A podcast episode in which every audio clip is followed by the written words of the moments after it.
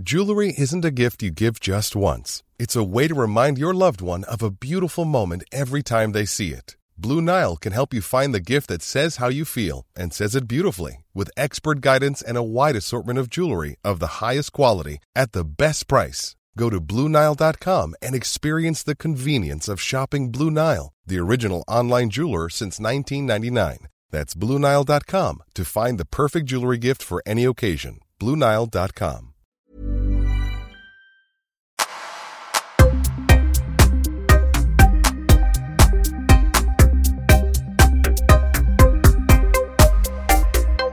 Kia Temmes, välkommen till Öppet sinne. Tack så mycket. Du, eh, du har helt enkelt skrivit den här boken som går under titeln Fackmaste. Ja. Så jag tycker nästan att vi börjar där. Jag vet ju redan, men jag tyckte ditt svar var så bra. Varför titeln? Varför titeln Stay? Ja, för att vi är fucked up.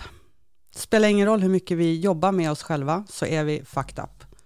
Och jag ledsnar lite grann på den här andliga och spirituella synen att allt ska bara vara ljus och kärlek hela tiden. För vi har faktiskt lika mycket mörker i oss. Mm. Men den biten vill vi oftast inte titta på och dela med. Så vi hoppar oftast över de där jobbiga sidorna när vi blir triggade och våra skuggsidor som jag kallar det för. Och konstaterade att när, det, när vi integrerar de delarna i oss, då kan vi vara i balans mellan både ljuset och mörkret. Istället för att bara bypassa den mänskliga delen av oss som är till största dels mörker. Mm.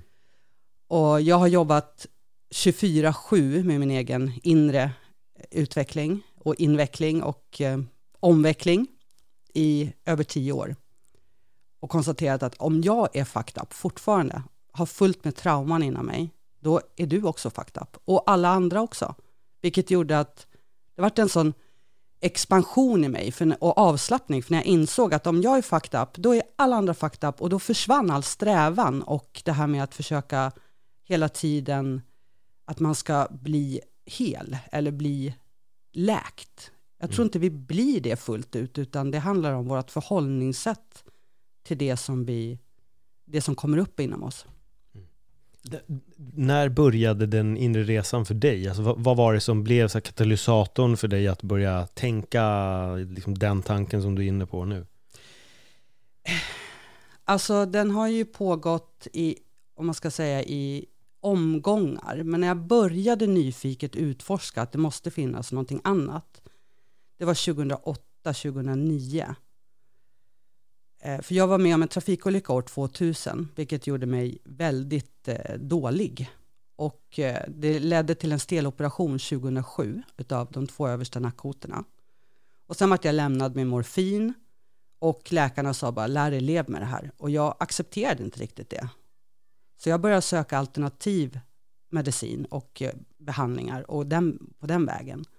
Och började märka att det hände saker i kroppen som jag inte hade kunnat föreställt mig skulle kunna hända.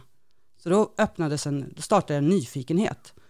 Så jag, det var liksom resan in genom i alternativmedicinen som sen ledde då in till personlig utveckling. Det var liksom, det gick inte att inte göra det på vägen.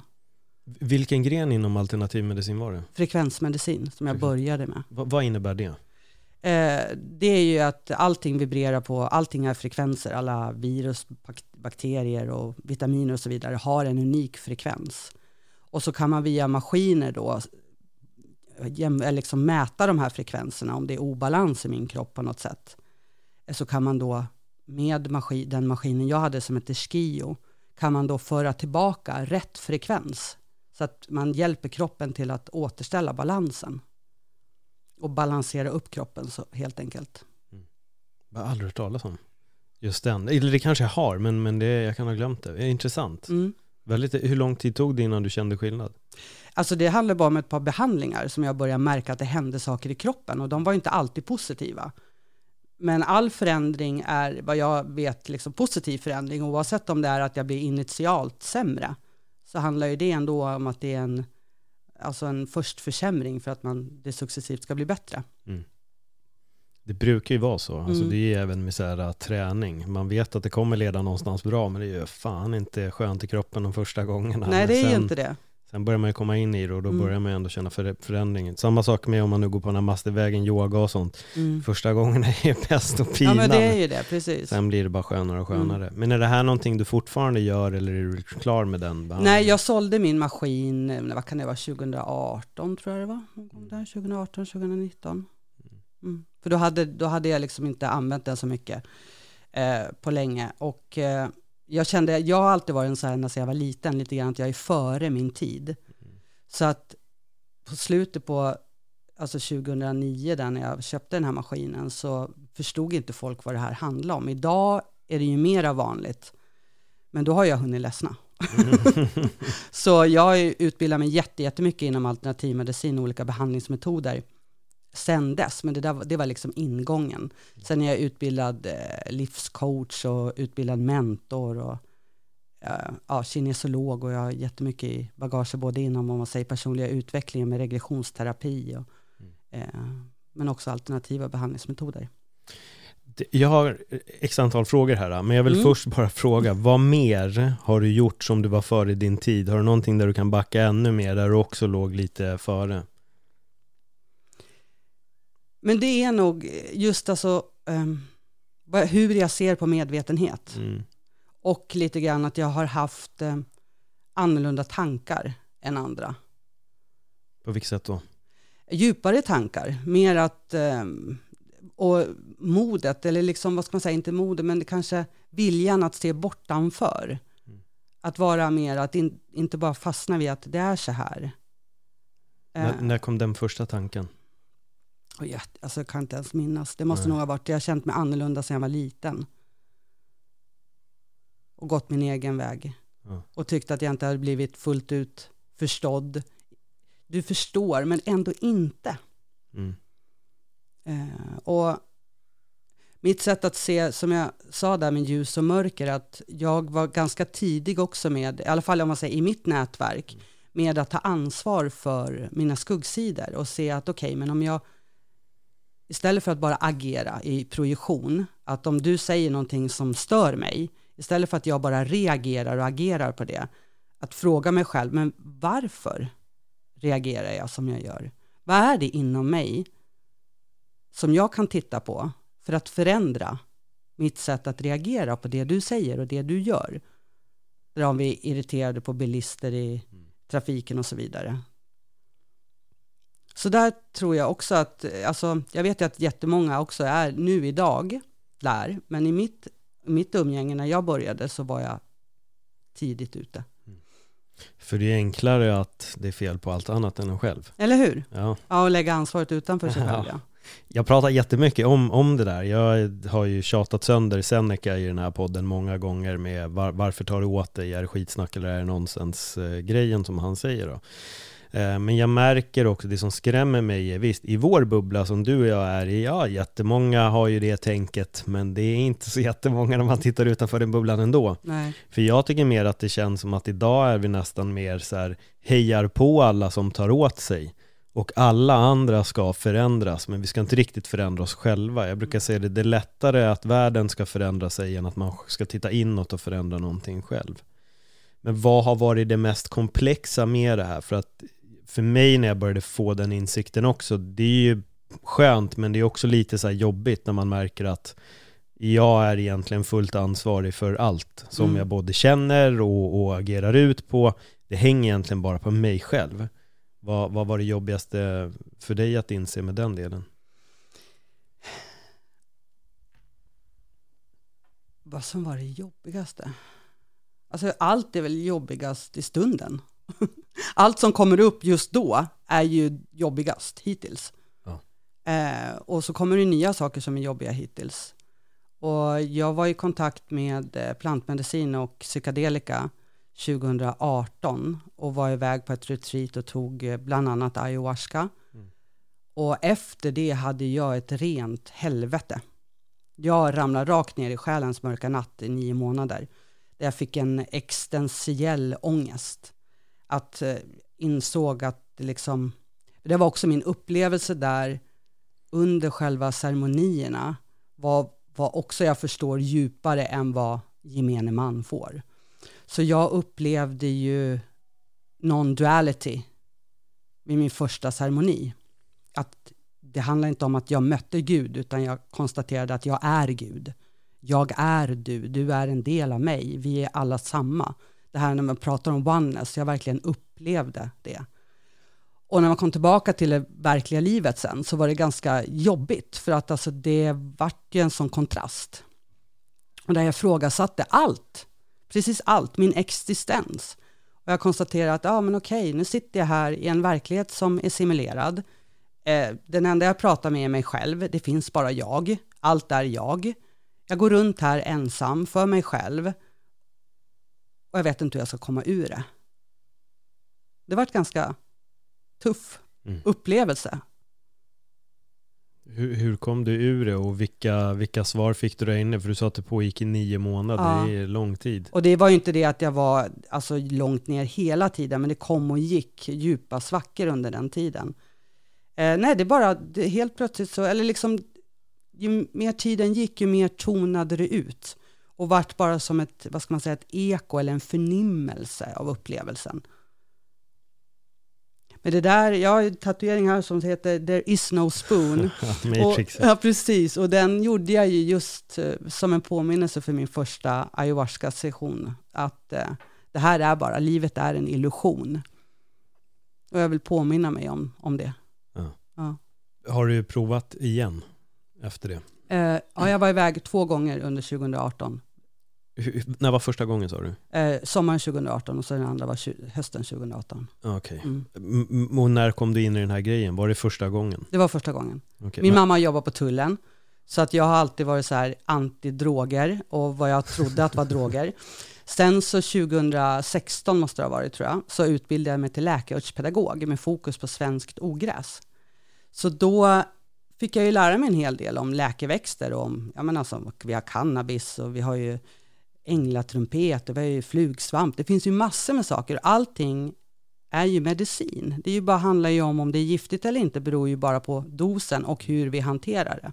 Men att det finns liksom någonting bakom, att vadå knark, vadå narkotika eller droger, liksom, vem bestämmer vad som är det? Det är ju viss, till viss del en medicin också.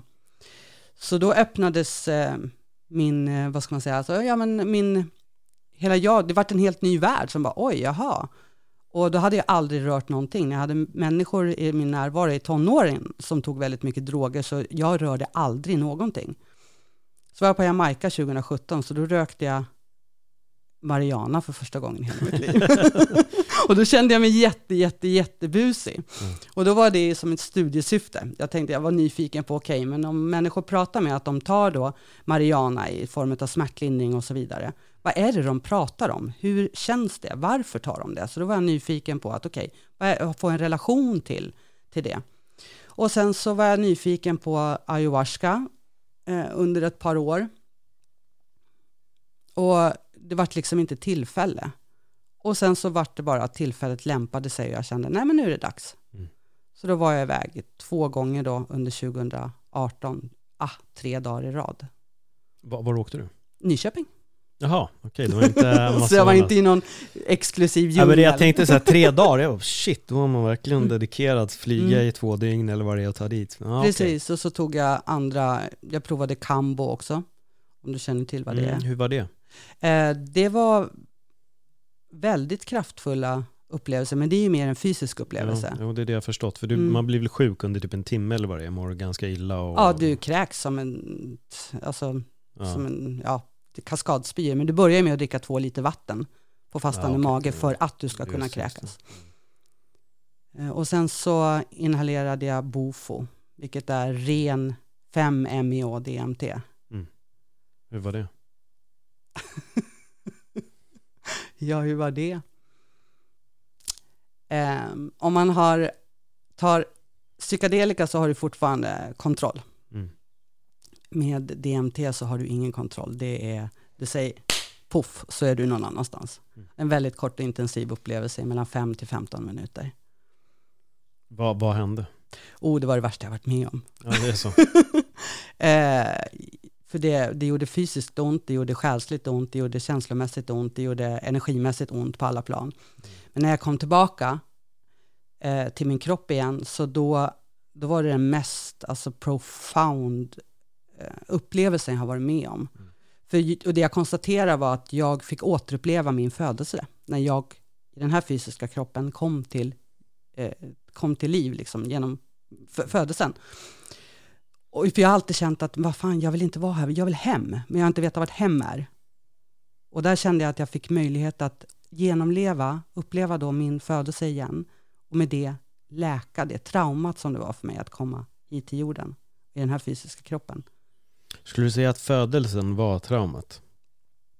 Ja, ja precis. Själva för att födas. Mm. Mm. På, på vilket sätt då? För att det är smärtsamt för ett barn att födas fram. Det är inte konstigt att de skriker när, de, när vi kommer ut. Mm. Så då insåg jag hur traumatiskt det är för alla att födas. Mm. Och hur det då kan sätta spår hela livet. Har du pratat med din mamma om hur, hur din födelse var? Tyvärr så lever inte min mamma ja, sedan 2014. Så nej, jag har inte kunnat göra det. Nej. För det du, det du tar upp nu, jag har läst en del om det där, att mm. det är eh, vanligt. Jag läste en bok med Stanislav Grof där han också djupdyker lite i just att det är ett trauma med födelsen. Mm. Um, och han berättar också om att på den tiden när han väl började utbilda sig inom den, den grenen som han var i då, så frågade han om minnen och sånt och om barn kunde uppleva trauma och då läkaren svarade bara nej, nej vad dum det är liksom. Man kan i princip operera på barn och känner ingen smärta heller för att smärtan har inte, smärtcentrarna har inte mm. hunnit komma till och de, han blev nästan bara förlöjligad för att han ens hade den frågan. Medan idag backar han och menar att vi har minnen ända inifrån magen och mm. trauman överförs även från förälder till barn. Och idag vet vi mer men han misstänkte väl saker redan då. Mm. Så det är intressant att det är den upplevelsen som du hade. Ja, men precis, och det är där också man ser då med boken och titeln mm. Fuck must stay. Det fakta på mig ser du hela det fakta på dig. Det är ju det att vi, vi föds chanslösa. Mm. Egentligen. Alltså vi är, vi är redan fucked up.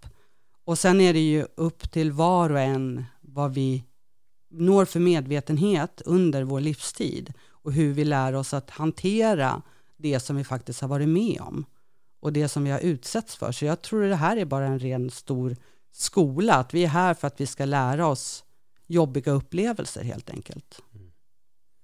Hur mycket har du djupdykt i dina jobbiga upplevelser och medvetandet? för jag hör ju att det, det har ja. varit en resa. 24-7 under väldigt lång tid. Ja. Det, Vad har du kommit fram till? att jag är fucked up. Eh, nej, men jag kom fram till mycket, alltså att det, hur, hur jag fungerar, jag får mer självkännedom, att hur jag fungerar, istället för att det bara blir automatiska reaktioner som sker. Mm. Att jag bara reagerar eller, eller agerar. Jag är nyfiken på varför gör jag på det här sättet? Varför känner jag så här? Om du säger en sak och jag får en klump i magen utav det, varför får jag en klump i magen? För det har ju inte med att göra att du säger någonting. Nej. Det är ju någonting som har präglats i mig från min barndom. Mm. Och varför? Så då kan jag ju titta på det och eh, lösa upp det. Och genom att bara få en förståelse, en medvetenhet om saker och ting, så är det min erfarenhet att där har redan läkningen skett. Sen så behöver vi ju som i allt annat träna oss till andra vanor, andra rutiner och att göra på ett annat sätt. Mm.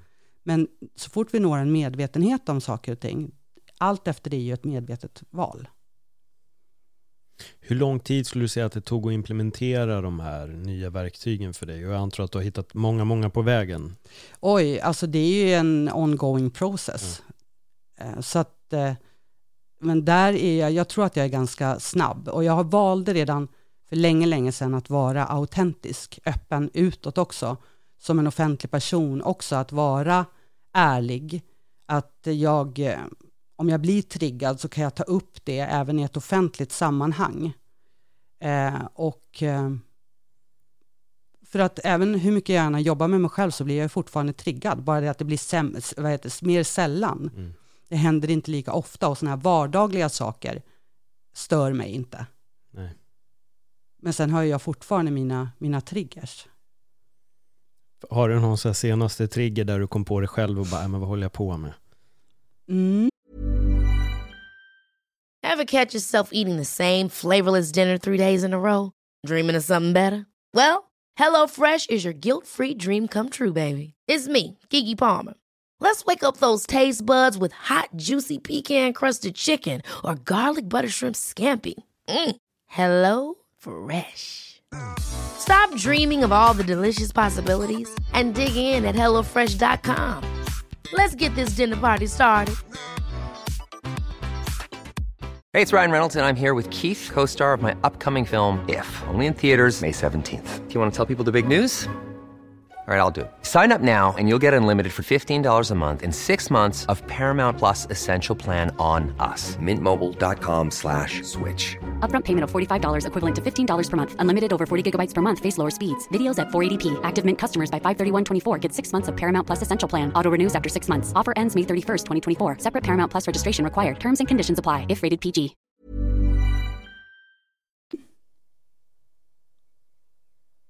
Det var faktiskt en sak som jag har funderat på så sent som nu när jag åkte hit. jag har en tendens att eh, jag har jättelätt för att kapa människor i mitt liv. Att eh, sätta en så tydlig gräns att det här, accepterar, det här beteendet accepterar jag inte. Och jag ser också att det är ju ett mönster och ett beteende jag har, vilket jag har konstaterat också att, för nu har jag eh, nyligen sett det här de här sista dagarna, att, att ta bort människor, visst det kan jag göra för att jag inte accepterar, alltså bara för att jag kan acceptera dig precis som du är, jag kan älska dig och alla andra människor för precis den de är, men det behöver inte betyda att jag behöver gilla och, och vilja vara runt ett visst beteende hela tiden. Jag lägger ingen värdering i det, det är bara att eh, jag gör olika val i livet. Eh, så att kan jag ta, liksom kapa eller säga stopp till människor. Och det är beteendet och mönstret. Men det är inte det som är grejen, utan då börjar jag fråga mig själv, varför drar jag till mig människor som beter sig på de, på de här sätten mot mig? Mm. Och då konstaterar jag det, att det ligger i att jag inte sätter en tydlig gräns från början i relationen. Och då kan det vara ett samarbete eller alltså alla former av relationer. Så jag har sett ett mönster då, att så här gör jag. Men varför gör jag det? Mm. Så det håller jag på att utforska nu. Mm. Ja, men spännande, alltså, för jag tycker att det är så här, jag, jag, förstår din tanke, det är inget fel att göra sig av med folk. Nej. Eh, jag kan också kapa folk, nu är jag inte som att jag så kapar folk till höger och vänster, men det finns några som har gått över liksom min gräns. Mm. Och då är jag ganska tydlig med, då, då försvinner man. Uh, och jag har väldigt svårt att ta tillbaka folk som jag anser liksom ska ha så här, svikit kanske fel ord, men ändå typ så här, gjort någonting På som något jag sätt tycker, gjort en besviken. Ja, precis. Ja. Som är över gränsen för vad jag tycker är acceptabelt och över gränsen för hur jag skulle bete mig mot en annan människa.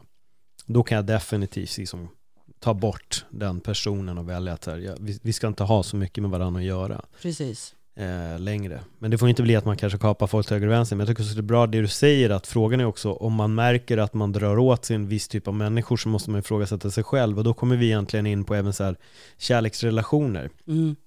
För det är ju väldigt, väldigt vanligt att höra kommentarerna, ah, du är exakt som alla, eller den är som alla andra, du är som alla andra, eller varför alla killar är så dåliga, eller alla tjejer är så dåliga. Och då brukar jag alltid säga det, men har du aldrig undrat varför du känner så med allihopa? Det kanske är dags att börja titta någon annanstans. Mm. Är det någonting som du stöter på på vägen också? Att det är, eftersom att du ändå coachar och sånt också, att det kanske är där vissa människor behöver börja titta på sig själva istället? Jo, absolut. Mm. Absolut. Mm. Och, men det är ju det som jag säger, alltså, så länge vi inte har en medvetenhet om saker, det, vi kan ju vara, som jag har ju varit, eh, sett det här mönstret hos mig, mm. men jag har inte, det är ju, det, när det sker så sker det ju. När medvetenheten ramlar in, då ramlar den in till fullo. Eh, så vi kan ju vara medvetna om en sak, men inte se hela bilden förrän vi ser hela bilden. Och det kan ju ske så. Mm. Och, och, tills vi når den medvetenheten, då fortsätter vi ju liksom att observera det här mönstret. Och att aha, nu händer det här igen, nu händer det här igen. Och jag har ju istället haft problem att inte komma i en relation. För att jag, jag har inte kommit så långt. Jag möter ingen som jag ens kan ha, alltså som det ens blir ett alternativ med att det ska vara en ömsesidig relation. Om jag gillar någon så är det inte säkert att den gillar mig på samma sätt och tvärtom. Så det har liksom inte riktigt klaffat. Så jag är den där som mina vänner säger forever ever singel. och det är ju också någonting som jag aktivt jobbar med. Eh, liksom, det är inte ett val. Fast det blir ju ett val, men för att jag kan heller inte ta bara vem som helst för att ja, men jag vill ju inte ha vad som helst. Liksom. Nej. Har vi för höga krav? det tror jag väl alltid att vi har. Ja. Men sen så, det handlar ju också om, jag tror att det ligger bortanför krav, vad vi har för krav och standards. Jag tror att det finns många nivåer bortanför, där som är parametrar som spelar roll och har en avgörande betydelse på vad vi får för resultat i livet. Inte Mm. bara att vi har högre standards, standards eller krav. Jag får rätt frekvent frågor om hur hittar man rätt, kärlek och Mm. hit och dit. Så du som evigt singel, vad skulle du ge för råd till dem? Börja inte jobba med det själv. Nej. Men det blir ju mer medvetenhet jag når, desto Mm. svårare blir det att hitta någon som matchar det. Jo, så är det ju. Mm. Så är det ju. Fast ändå så har jag konstaterat att det kanske inte spelar någon roll. När man väl möter någon så spelar det nog absolut ingen roll. Så alla de här kraven och standarderna, önskemålen av egenskaper, jag tror att den dagen man möter någon så spelar det ingen roll. Nej. Jag tror också lite att man har en så här illusionsbubbla av Mhm. vad man tror ska vara perfekt. Och sen tror jag nu som dagsläget ser ut, jag menar nu kan du träffa en person, sen kan man ju gå in på sociala medier och få se ganska mycket och Mm. reda på ganska mycket. Och där tror jag också ibland att man kan skapa en illusion av hur man tror att den här personen är baserad på typ fem bilder. Mm. Vilket oftast är väldigt fel. För att man lägger ju upp en viss typ av bilder och sen är, de inte, sen är man ju inte så alls. Ehm, så jag tror att det är väldigt knepigt, men jag vet själv när jag var, liksom, vi backar ganska många år, men jag tänkte säga bara, ah, rent liksom, fysiskt och allting, det här är så här, precis den tjejen som jag har kunnat se mig själv vara med. Men sen insåg jag, fast vad fan vänta, det är mer än, än bara det. Mm. Och jag tror att det är där som man blir prickad av någon gång i livet i alla fall och inser att shit, det är så många mer pusselbitar. Men jag tror att när folk gör sin lilla checklista så är det typ så här längd, ja, fysik överlag kanske, fysik överlag, kanske en hårfärg, eh, ett yrke, körkort eller inte Mm. körkort, typ. Ja men sådana saker. Precis. Men sen kanske det bara handlar om så här egentligen, okej, hur funkar det när vi sitter bredvid varandra i soffan? Hur kul har vi när vi sitter och pratar och hela den biten. Och jag tror att det är det där som blir den största egentligen liksom luringen lite som man, som man åker på i de här eh, relationerna. Ja men precis. Jag skrev ner, eh, 5 maj står en anteckning här i min telefon om vad jag, för jag börjar prata med väldigt många, både alltså folk som jag känner och inte känner så jättebra, om hur de ser på relationer. Vad är det som är viktigt och hur ser, eh, vad, vad betyder sårbarhet? För att jag har varit på dejtingsidor och då kan jag se mycket så här att de flesta har ju en önskan av att ha en äkta och sårbar relation där, folk, där de kan vara sig själva. Men då konstaterar jag det också att vad det betyder för mig är ju någonting helt annat än vad det betyder för många andra. Och när jag insåg den, alltså att det inte betyder samma sak, eh, då började jag ju fundera och, och fråga runt och konstaterade att det ligger en parameter som skiljer sig. Eh, nej, då var det fel anteckning där. Påminn mig att jag ska gå tillbaka till, till den Mm. var parametern skiljer sig. Men vad jag har konstaterat att en relation eh, bör vara, så är det att den ska vara ömsesidig och kompatibel och långsiktigt hållbar. Och med ömsesidig så menar jag att båda parter ska vara villiga och tillgängliga. Med kompatibel menar jag att det ska vara liknande värdegrund och förutsättningar. Långsiktigt hållbar, då menar jag med att man vill samma saker, till exempel flytta ihop, resa och så vidare. Att det är så grundläggande förutsättningar för att jag tror att en relation ska kunna bli bra på lång sikt. Mm. Och det jag insåg på mig där med att eh, just med att vara sårbar och autentisk, det är jättelätt att säga så här, men så här är jag, take it or leave it. Och jag går en nivå till på det. Att nej, ta ansvar för så här är jag. Vad, vad var parametern som du skulle berätta om också? Ja, precis. Jag kan läsa vad jag skrivit för anteckning här. Eh, det som jag ser oerhört viktigt är förmågan att inte projicera sin skit på sin partner. Att vara så sårbar att man fullt ut kan ta ansvar för sina egna reaktioner i form av känslor, sår, trauman och mönster och beteenden som aktiveras i en relation. Att våga ha fel, våga vilja veta när en sår triggas och kickar in och då ofta projiceras som ett försvar. Och att vara sann, framförallt mot sig själv, att vi alla har dessa sår och trauman inom oss och vara öppen och sårbar nog att vilja se och förändra sig. Så även det innefattar för mig att vara sårbar och äkta. Att se att det här handlar inte om att så här är jag, take it or leave it, utan att också vara villig att förändra sitt sätt att se på sig själv, andra och omvärlden. Att inte jag tycker, jag tycker så här, jag kommer alltid tycka så här. Nej men var lite ödmjuk och nyfiken på att öppna upp för andra förhållningssätt. Och även till dig själv. Främst till dig själv. Jag har sagt det många gånger i den här podden att det jag tänkte igår tänker jag nödvändigtvis inte idag och det jag tycker och tänker kommer jag nog att inte tänka sen. Att jag brukar mer eller mindre omvärdera mitt liv och mina tankar en gång per år. Mm. För att jag tror att det är så mycket som förändras. Vissa verkar vilja stå fast vid den linjen som du säger, ja men det här är så tycker, det, det har jag alltid gjort eller det här har alltid gjort. Men jag tror att det är väldigt farligt, för då får vi nästan gå tillbaka till barndomen och tycka och tänka och resonera som vi gjorde när vi var fem. Och det mm. kommer inte funka. Nej. Livet är en ständig utveckling och om du står kvar vid exakt samma tankar som du gjorde för 20 år sedan, då har du ju inte kommit någon, alltså någonstans Nej. överhuvudtaget med dig själv. Precis. Det är ju roligare att vara nyfi nyfiket utforska, som jag älskar mm. begreppet, att nyfiket utforska sig själv och eh, liksom varför, varför gör jag så? Jag konstaterar här, jag har skrivit, jag håller på med min fjortonde godnattsaga nu. Jag skriver ju godnattsagor åt, guidade godnattsagor, det är som meditationer fast det är i sagoform. Mm eh, vilket har slagit igenom på YouTube och Storytel och Nextory och så vidare. Eh, och så har jag alltid sagt så här att ja, det är så roligt att jag har skrivit så många godnattsagor för barn, för jag gillar inte ens barn. Och så konstaterade jag för ja, ett tag sedan att det är en lögn. Jag gillar visst barn. Men det har jag gått och intalat mig själv för någonting som sitter kvar från när jag var tonåring, att nej, jag gillar inte ungar. Och så har jag mantrat det, år ut och år in, att jag gillar inte barn. Konstaterat, nej men om jag är nu är helt ärlig, det är inte sant.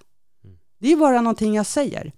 Och sådana saker som jag bara säger, de har konstaterat också mycket, att det, vi pratar ju så mycket skit.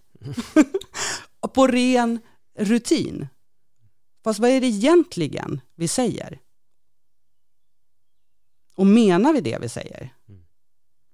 Ja, det är ju verkligen frågan. Jag tror inte det. Jag håller med. Jag tycker folk snackar otroligt mycket skit när det kommer till, vad ska man säga, saker man tror på. Mm.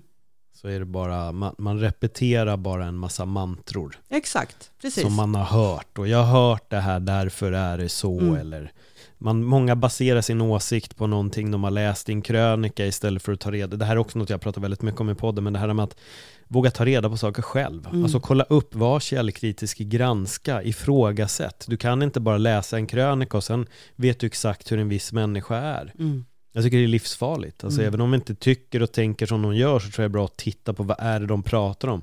För att på riktigt kunna basera sin egen tanke och åsikt om det. Eh, nu kommer jag dra upp något så här helt men jag har följt Johnny Depp och Amber Heard-rättegången, följde den väldigt mycket. Jag blev väldigt förvånad över hur svenska medier skrev om den. För det var liksom helt solklart att Amber Heard skulle vinna allt det här. Men följde man rättegången så börjar man se en helt annan sida av det här. Mm. Och det fascinerar mig att till och med folk som skriver om de här grejerna har uppenbarligen inte tittat. De har inte kollat. De går på en linje av att det här är vad vi tror, så vi går dit. Mm. Men hon tog torskade ju hela, hela grejen och ju mer man lyssnar på deras inspelade band så blir det bara ännu mer galet. Mm. Och det är någonting som jag tycker är så sjukt, men då är det ibland som att man ska stå på en viss sida för en viss ideologi och så ska man liksom haka på den.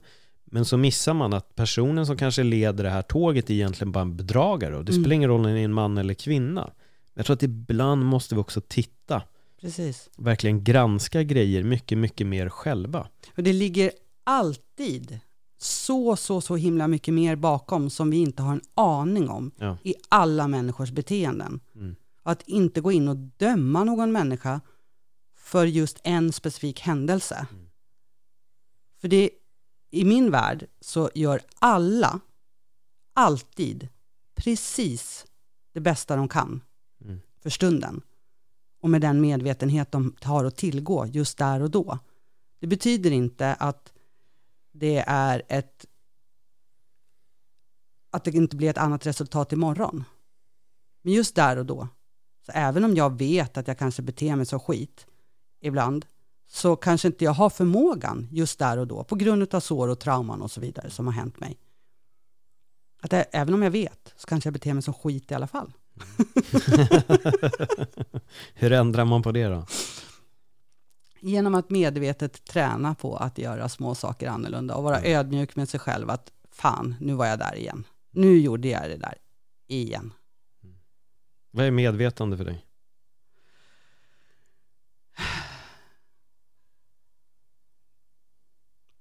Att ha kontakt med eh,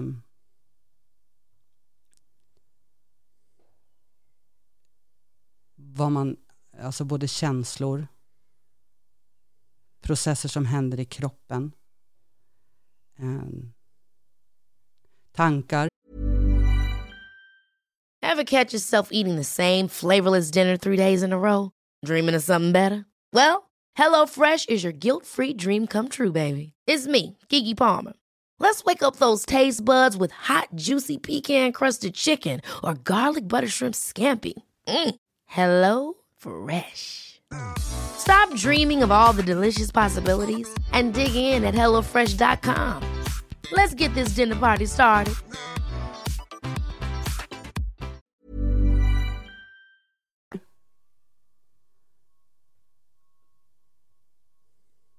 Men också, alltså en, en, det kan ju vara kunskap och eh, förmågor också. Det är nog en helhets, helhetsbild av allt som vi är, energier. För ofta så är det ju, om jag säger att jag är medveten om någonting, så kan det ju vara att ibland jag är inte ens medveten på det sättet att jag intellektuellt kan sätta ord på någonting. Men det är bara en inre medvetenhet, att jag bara vet att det jag vet är sant, utan att jag vet vad det är eller hur det är. Jag tror vi bara är på ytan och skrapar utav vad, alltså med all forskning i kvantfysik och biocentrism och så vidare, också med vad medvetenhet egentligen är. Consciousness, Mm, mm. vad är det? Tror du att ditt medvetande är i kroppen eller utanför? Både och. Ja. Mm. Både och. Jag tycker de här frågorna är väldigt intressanta, eh, just, just med det. För jag tror ibland att vi begränsar oss vid att allting som är vi är, är vi i vår kropp bara och ingenting utanför. Mm. Men sen hör man om alla konstiga vittnesmålen om blev opererad, dog under någon halv minut och helt plötsligt stuckit iväg och kunnat se saker i det här rummet Mm. som du inte kan se när du blir opererad. Du, du, du ska inte veta om det här. Mm. Det är väldigt, väldigt fascinerande och då börjar man verkligen fråga sig själv, men vad är det egentligen? Mm. Var finns vårt medvetande? Är det så att det är Precis. i vår kropp eller är det konstant? Är vi egentligen konstant utanför vår kropp? Mm. Och så kan man börja slå knut på sitt eget huvud Ja men alla de gud här ja, tankarna. eller hur? Precis. Och det var lite delvis det som i den här själens mörka natt handlade om också. Jag slog knut på mig själv hela tiden för jag bara gick bortom, bortom, bortom. Om jag kan observera mina egna tankar, men vem är det då som observerar? Mm. Och om jag ytterligare kan observera att jag observerar mina tankar, vem är det då som kan observera det? Mm. Och hur många nivåer kan vi gå av observation? Hur, hur många nivåer gick du? Precis. Så då kan man dyka ner i the rabbit hole. Ja. Hur djupt som helst. Och jag älskar att gå dit. Men det är ändå här, just nu i det här rummet hos dig Paul, som livet sker. Det är här jag lever. Jag kan ha sett så många som också använder eh, plantmedicin som en flykt. För allting kan bli ett flyktbeteende. Vi kan, som jag kallar det för, alltså, kursknarka, bokknarka, eh, poddknarka. Eh, vi kan gå på utbildningar, föreläsningar, vi kan använda plantmedicin eller whatever, personlig utveckling. Vi kan alltså använda det som ett flyktbeteende. Mm. För då slipper vi ta ansvar. Alla de insikterna vi får om oss själva i, under resan och i processen, vi behöver ju applicera dem i vårt liv och ta ansvar för det och verkligen leva efter alla våra insikter. Men så länge vi är i en konstant utveckling så behöver vi inte ta ansvar. Jag sa vår teater, eller min teaterlärare, jag tyckte det var väldigt bra när vi närmade oss slutfasen på det året. Jag pluggade på Stockholms elementära teaterskola när jag var 24, tror jag det var, 23-24 omkring. Um, då sa han det, men nu, nu när ni har gått här så, eh, uh, den, den enda andra teaterskolan ni ska söka till är i sådana fall scenskolan. Men, men ingen annan så här ettårskurs eller kurs hit och dit. Nu, nu måste ni ut. Och jag håller med. Jag, Mm. jag förstår honom, så kan man alltid ha en grupp och fortsätta liksom och sådär. Men om man verkligen vill det, då gäller det också att komma ut. Och jag kunde se att det var några där som var lite så här, fan jag har ju redan bokat ett år på det här nu för att fortsätta kunna leka att man är skådespelare. Ja men jag pluggar här så jag är skådespelare, men hans teori var mer att du är skådespelare när du får betalt för ditt yrke, då är du det på riktigt. Och det Precis. ligger ändå någonting i det tycker jag. Mm. Att det är först när du får din första lön för att du har gjort något, då kan du verkligen kalla dig för det, Mm. skulle jag nog säga. Men jag tror med, precis som du säger, man går en till kurs och en till kurs och till slut har man gått alla livskurs, livscoachkurser man kan gå, men man Mm. har fortfarande inte en enda klient, för man är, man är fortfarande mer, man är mer vilsen än vad man någonsin har varit. Ja men precis, och man, man har inte alls någon egentligen eh, större självinsikt. Man Nej. bara vet intellektuellt massa saker och ting, men du tar inte ansvar för att göra de här förändringarna och förändra ditt förhållningssätt till saker och ting. Du projicerar fortfarande din skit på andra och omgivningen, istället för att titta på inåt, hela tiden inåt. Och, men när du är i en konstant, som du säger, alltså, du kan leka att du är skådespelare genom att fortsätta och gå plugga eller utbilda dig, gå kurser och utbildningar. Men det är när du väl börjar skådespela och applicerar allting det du har lärt dig, det är då vi kan bli mästare Mm. i vad, vad det nu än är vi ger oss in i. Vad skrämmer dig?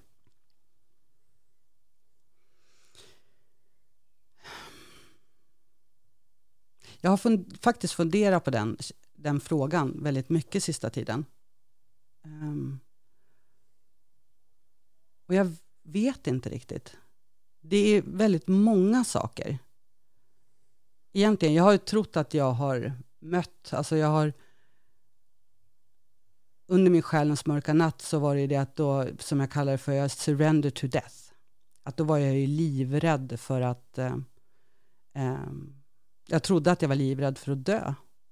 Men konstaterade att nej, för jag låg i fosterställning vid ett tillfälle och eh, var helt beredd på att släppa taget om livet. Men visste inte hur jag gjorde. Så låg jag där och så tänkte jag att okej, eftersom jag inte vet hur jag dör så måste jag ju leva. Och hur gör jag det då? Jo, ett andetag i taget. Och så då släppte jag ju taget om rädslan för att dö och valde livet. Men sen så kommer ju allt som hänger ihop med livet då. Och då kan det vara liksom att jag, jag, ehm, jag ska inte säga att det är en rädsla, men det är en önskan att inte leva själv resten av mitt liv. Att jag vill faktiskt träffa någon. Så någonstans ligger det ju någonting där att, ja men tänk om jag inte träffar någon. Men det är ju också bara en, alltså det är mitt sinne som har sådana tankar. Och jag är ju inte mitt sinne. Så jag kan observera att det där finns inom mig. Samtidigt som jag inte behöver gå in i det. Tror du att du själv någonstans stänger dörren ibland för eventuella relationer? Omedvetet? Det, det är klart att jag gör. Jag konstaterar, jag var eh, på resande fot hela vintern, så bland annat eh, från nyår och framåt så var jag på, i Costa Rica. Och då konstaterade jag att, jag vet inte, jag läste nog, lyssnade nog på någon bok, eh, Hemligheten, som handlar om anknytningsteorin. Och eh, så gjorde jag någon webbtest där och så konstaterade jag det att jag har en väldigt otrygg och eh, undvikande anknytning. Och anknytning är någonting som vi, vi knyter an till våra föräldrar under första levnadsåret. Så redan där är vi ganska, om man säger då, chanslösa med hur vi utvecklas i livet. Första levnadsåret, då är vi knappt ens medvetna. Eller fast det kanske vi visste. Mm. Men så insåg jag att jag har en otrygg och undvikande anknytning, vilket har gjort att jag nu har kunnat börja träna på när jag ser det där, att när jag möter en människa ute på gatan, istället för att bara gå i min egen bubbla, att ja, men lyft blicken, titta den här människan i ögonen och eh, säg hej. Vad händer då? Det är jätteläskigt. Så det kanske jag är rädd för. Jag är rädd för att knyta an till människor. För att jag har en otrygg och undvikande anknytning. Och det är ingen som känner mig, tror ju inte att jag är det. Men det där beteendet har jag konstaterat att det är ju bara när jag är med mig själv. När jag är ensam, det är då jag är det. För om jag har någon annan med mig, då är jag ju inte otrygg längre.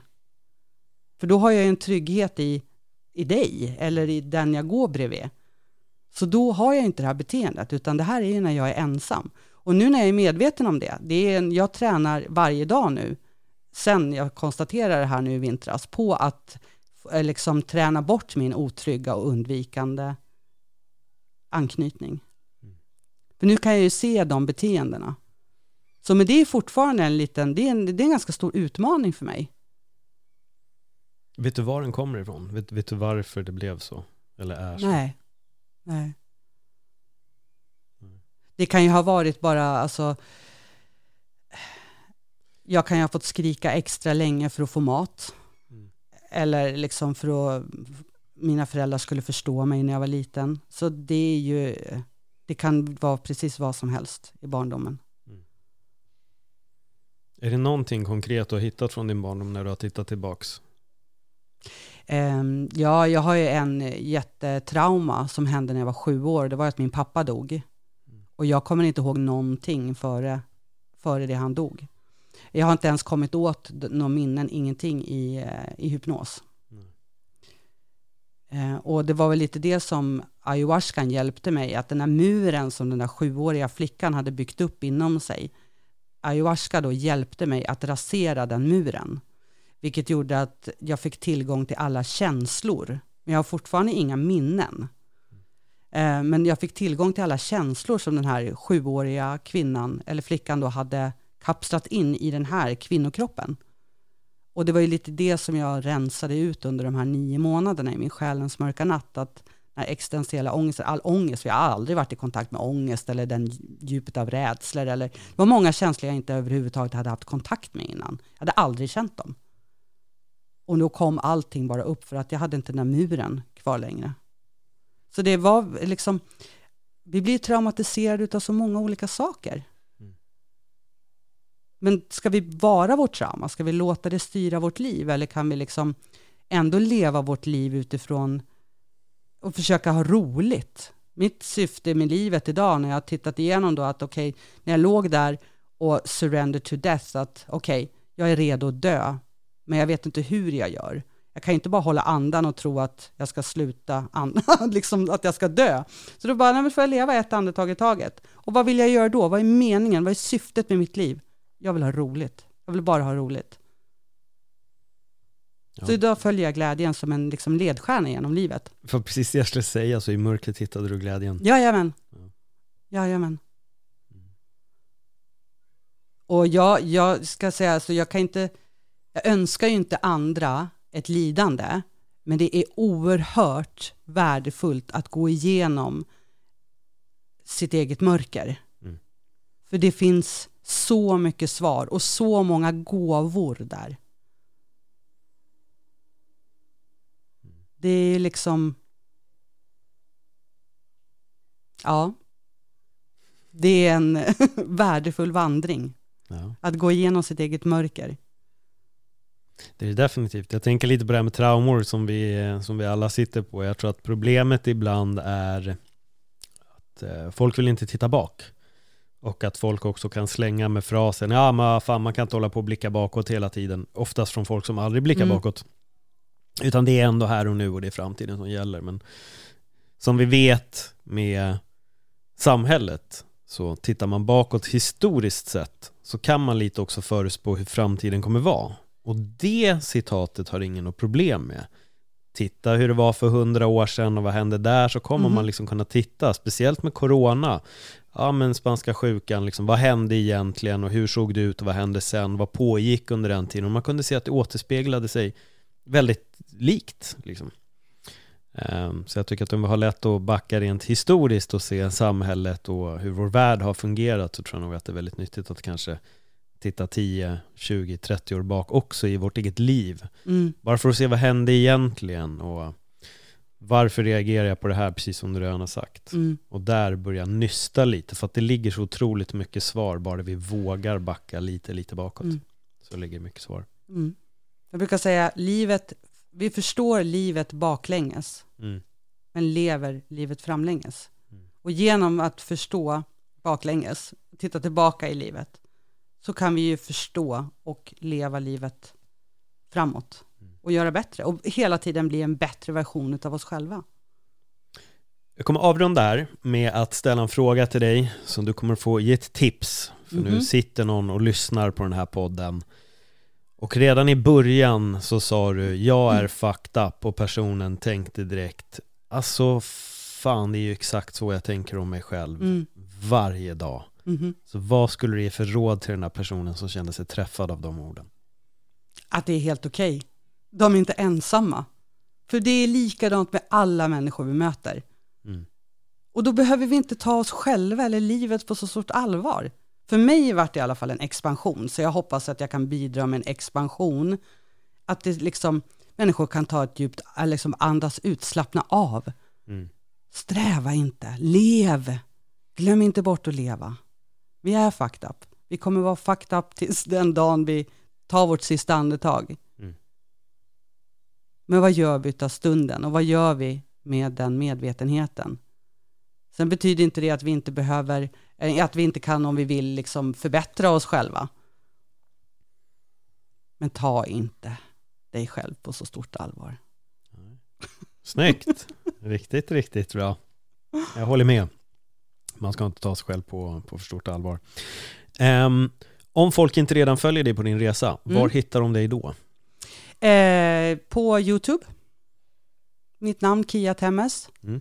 Ehm, och på Facebook.